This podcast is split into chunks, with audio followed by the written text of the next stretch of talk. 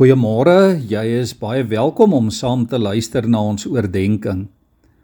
In Eksodus 14 vers 15 in die Ou Testament vra die Here vir sy volk: "Waarom roep julle so benoud na my?"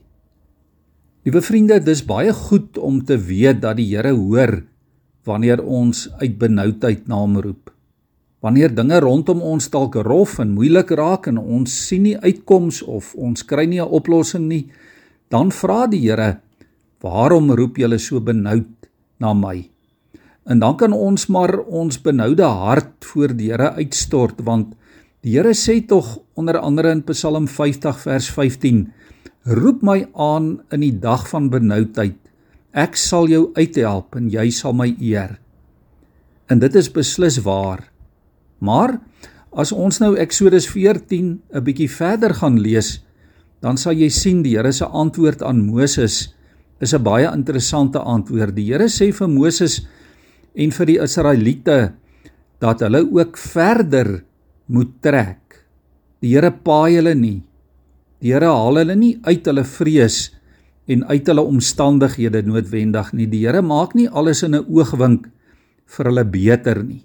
Nee, die Here kom en hy sê: "Doen dit wat jy moet doen."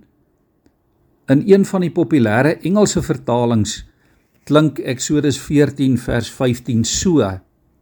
Ons lees daar: Then the Lord said to Moses, Quit praying and get the people moving forward. March. Sjoe, liewe vriende, dit klink nogal baie reguit in direk. Hulle het genoeg geroep en genoeg gebid.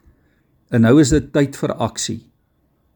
En dalk kom die Here en hy sê dit ook vandag vir my en vir jou. Ek het jou gebed gehoor, sê die Here. Maar nou moet jy self ook opstaan en reageer.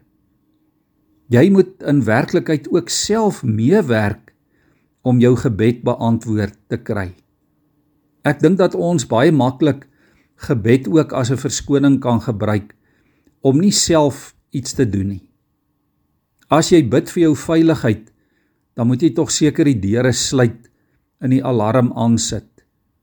As jy bid vir jou finansies, dan moet jy tog seker elke dag opstaan en hard werk. As jy bid vir 'n werk, dan moet jy seker jou CV uitstuur en opdaag vir 'n werksonderhoud.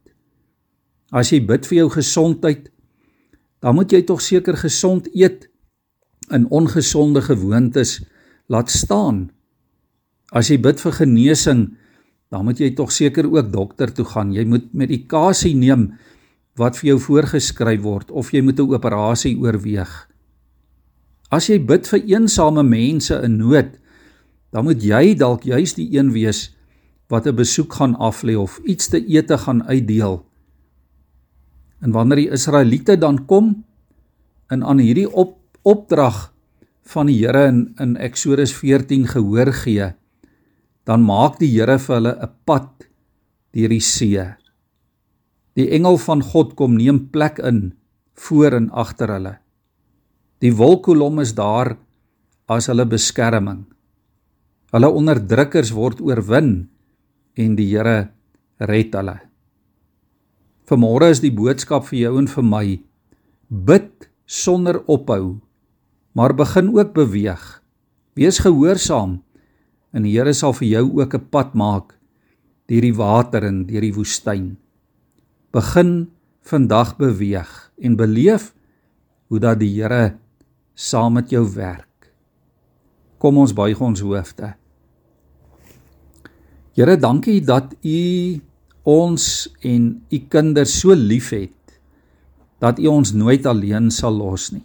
Here, dankie dat U ons uitroepe hoor. Dankie Here dat dat U hoor en dat U weet presies wat ons nodig het. En Here, U kom in U beloof dat U getrou is, dat U tree vir tree saam met U kinders die pad loop. En daarom hoef ons nie vandag benoud te wees nie. Ons hoef nie te twyfel of te wonder nie. Ons kan weet U is by ons. Here, gee dat ons sal bid, maar ook sal werk en sal weet U is die skaduwee aan ons regterhand. U is die beskermer en die bewaarder wat nooit sluimer of slaap nie. U is die een wat vir ons uitkoms gee.